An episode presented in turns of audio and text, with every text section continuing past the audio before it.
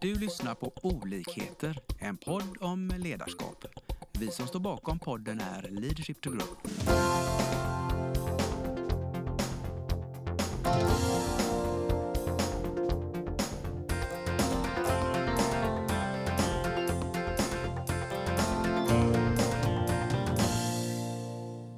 Välkommen ska ni vara till eh, våran podd. Idag har jag min kollega Mats eh, här och själv heter jag Lars. Och vi, vi har ju tidigare pratat om det här med eh, högsta nivåer och vi är lite triggade av det här Mats, det här med framgångsfaktorer och vad man kan göra för att bli riktigt, riktigt bra, eller hur? Absolut, det här är riktigt spännande. Ja, så, Alla vill väl vara bäst, eller?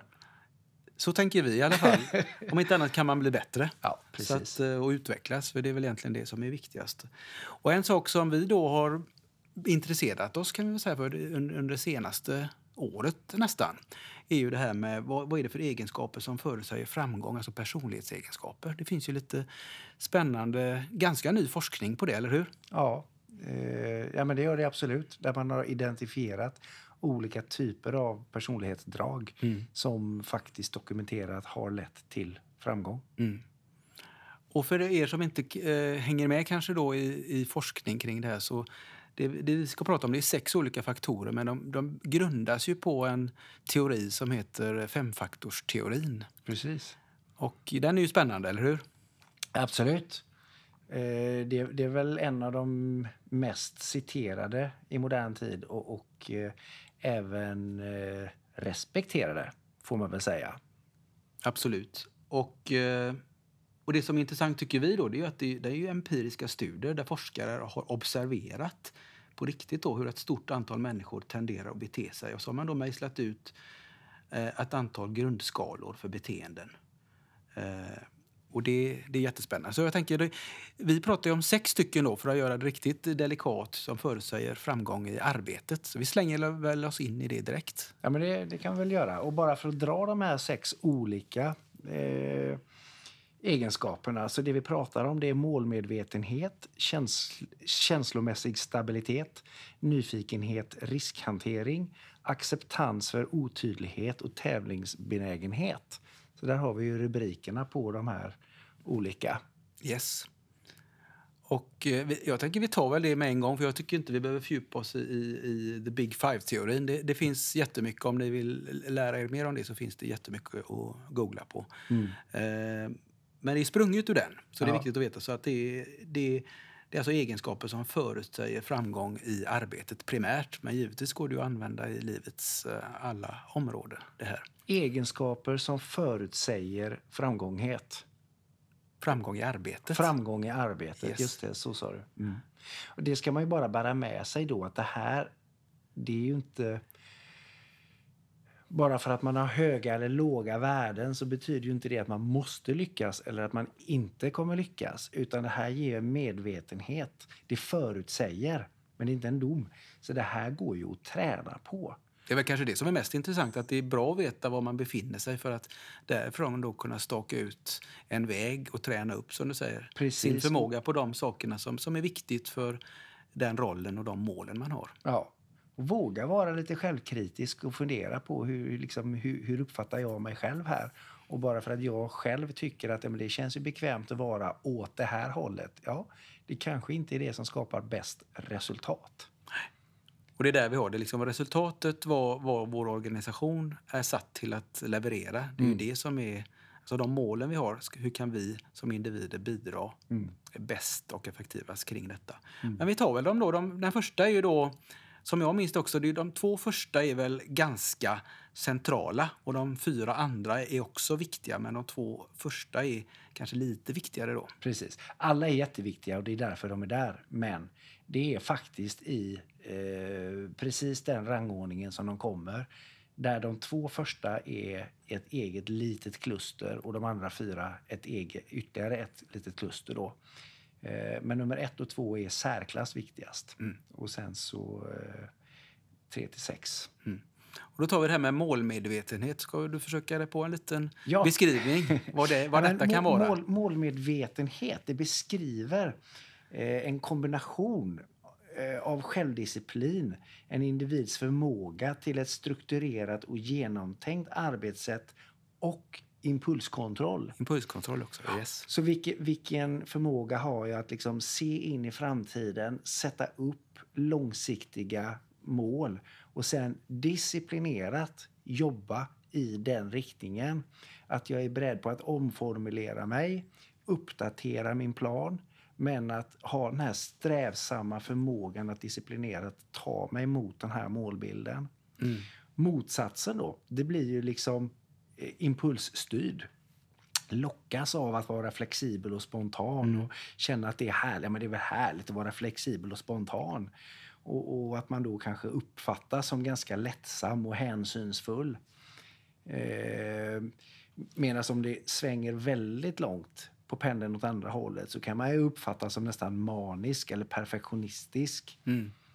Eh, men att ändå för, liksom försöka se eh, hur duktig är jag på att faktiskt skaffa mig en framtida målbild och sen konsekvent, metodiskt och disciplinerat få mig själv och min organisation att arbeta ditåt. Mm. Det är målmedvetenhet. Yes. Och jag kan tänka, om jag tänker högt lite där, det, om vi är en organisation med ett antal individer i, om vi så den andra scenariot där man är väldigt spretig och impulsstyrd, det låter ju som att det kan bli, det kan bli lite då eh, rörigt. Lättja, Ja, roligt.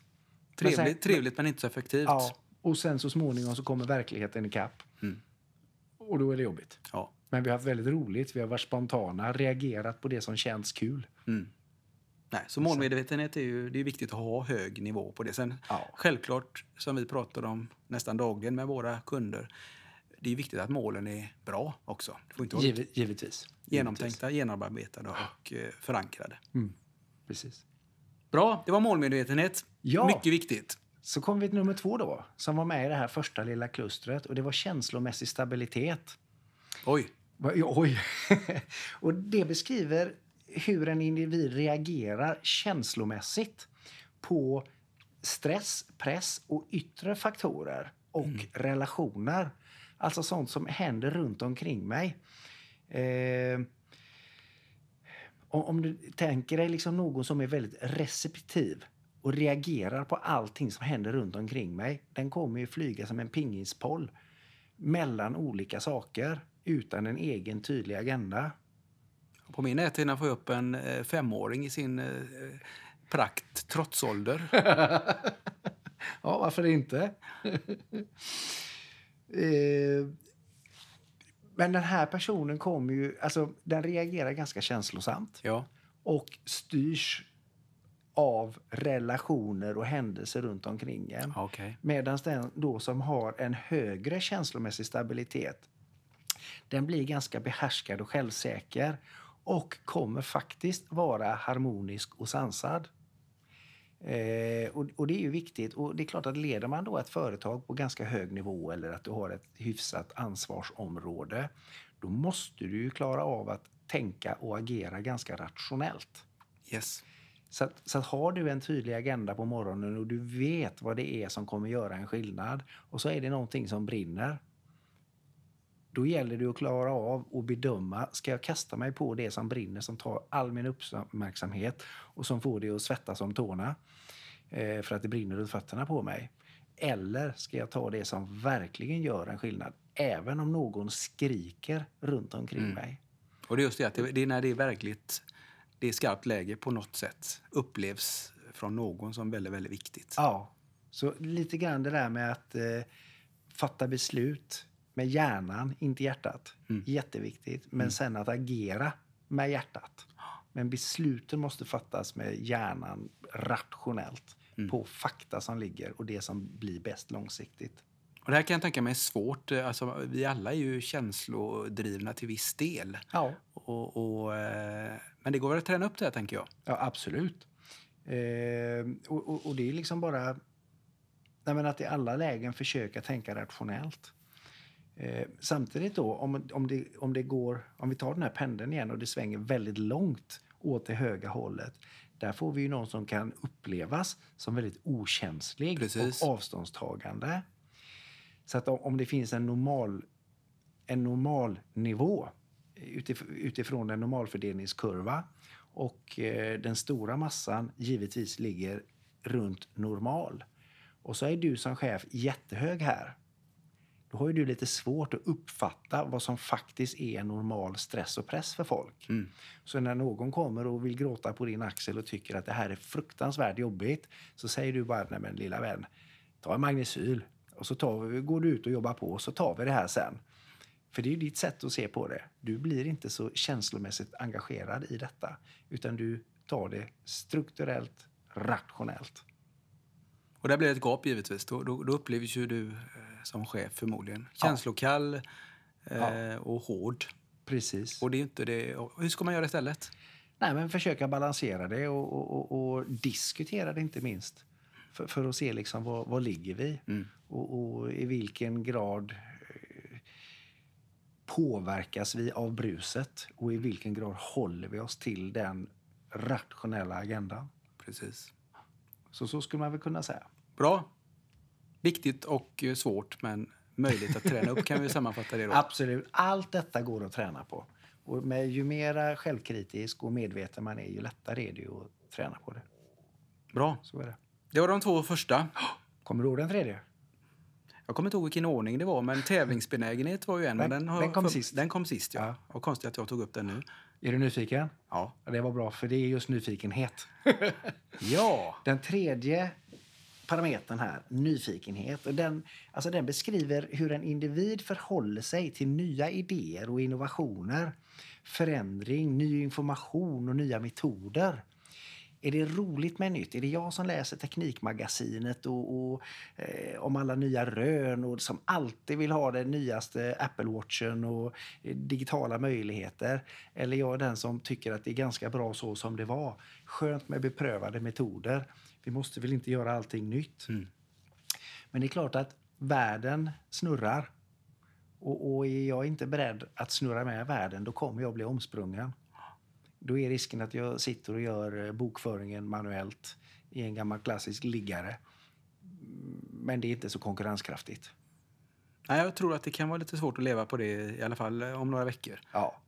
Och de som då präglas av att vara på den högre delen av den här skalan, ja, men det är ju de som gillar nya idéer, njuter av att utforska alternativa lösningar på problem och ses som kreativa och innovativa.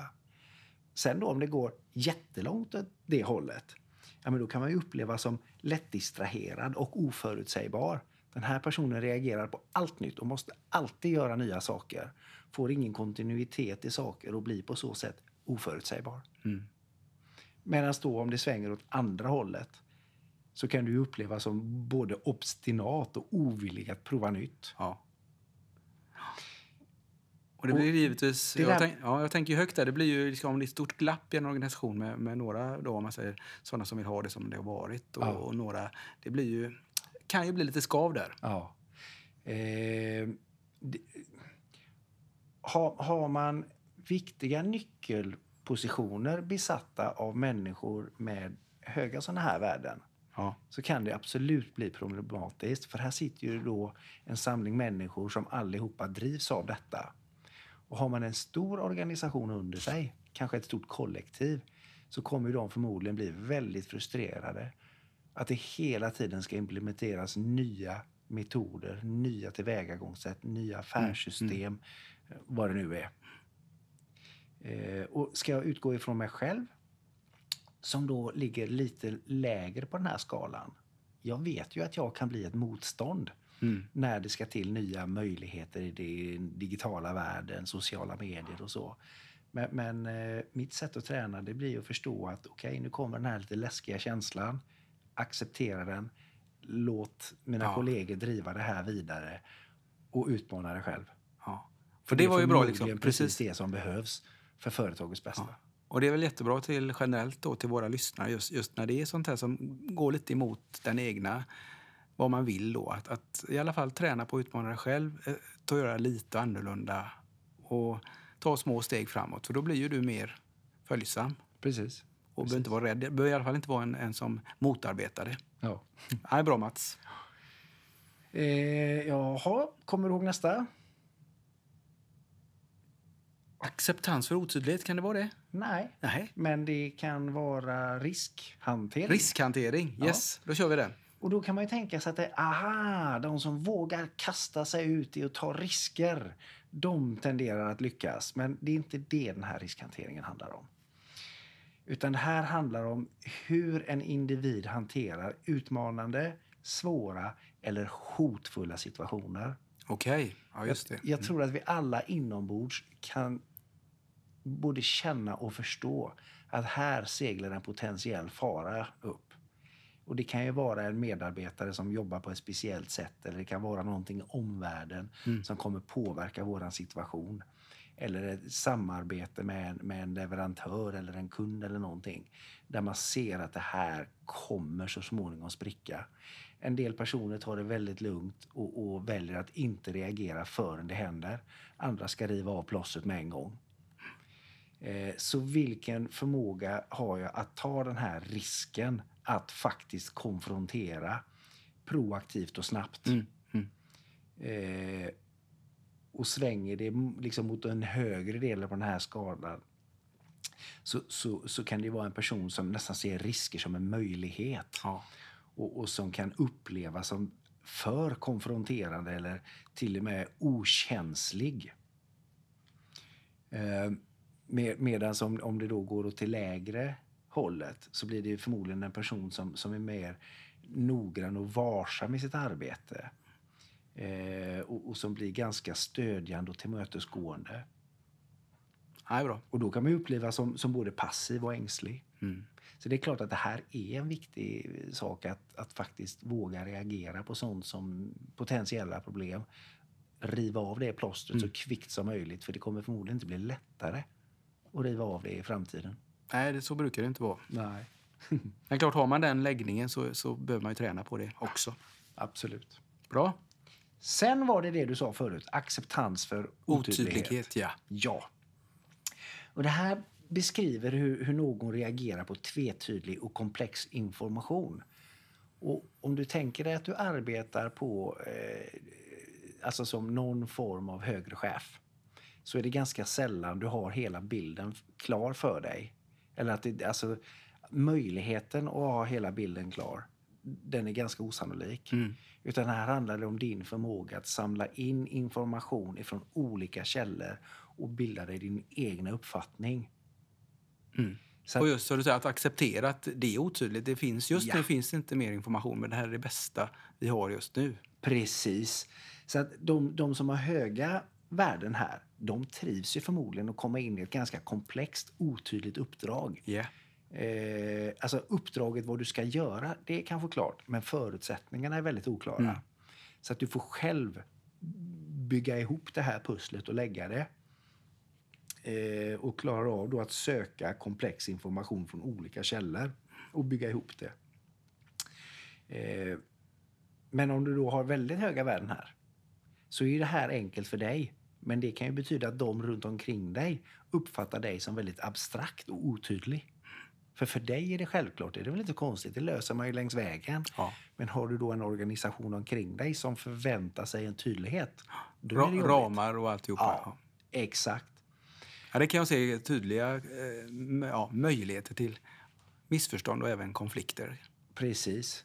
Och ligger du då på den lägre skalan eh, i, i det här området så, så kommer du förmodligen vara väldigt konsekvent och metodisk. Och det, det har ju sina fördelar i vissa situationer. Men det, det, alltså det går ju inte att vara konsekvent och metodisk om du inte vet allting. Då måste du liksom ta olika Precis, vägar. Då är det precis. svårt att vara konsekvent. Precis. Eh, och, och de personerna de föredrar ju klarhet och tydlighet i allting. Mm. Intressant. Ja, absolut. Ja, mycket. Nu är det bara en kvar. Ja, då är det tävling. Ja, Tävlingsbenägenhet så tror jag det heter till och med. Va? Tävlingsbenägenhet. Och det beskriver eh, någons vilja att vinna.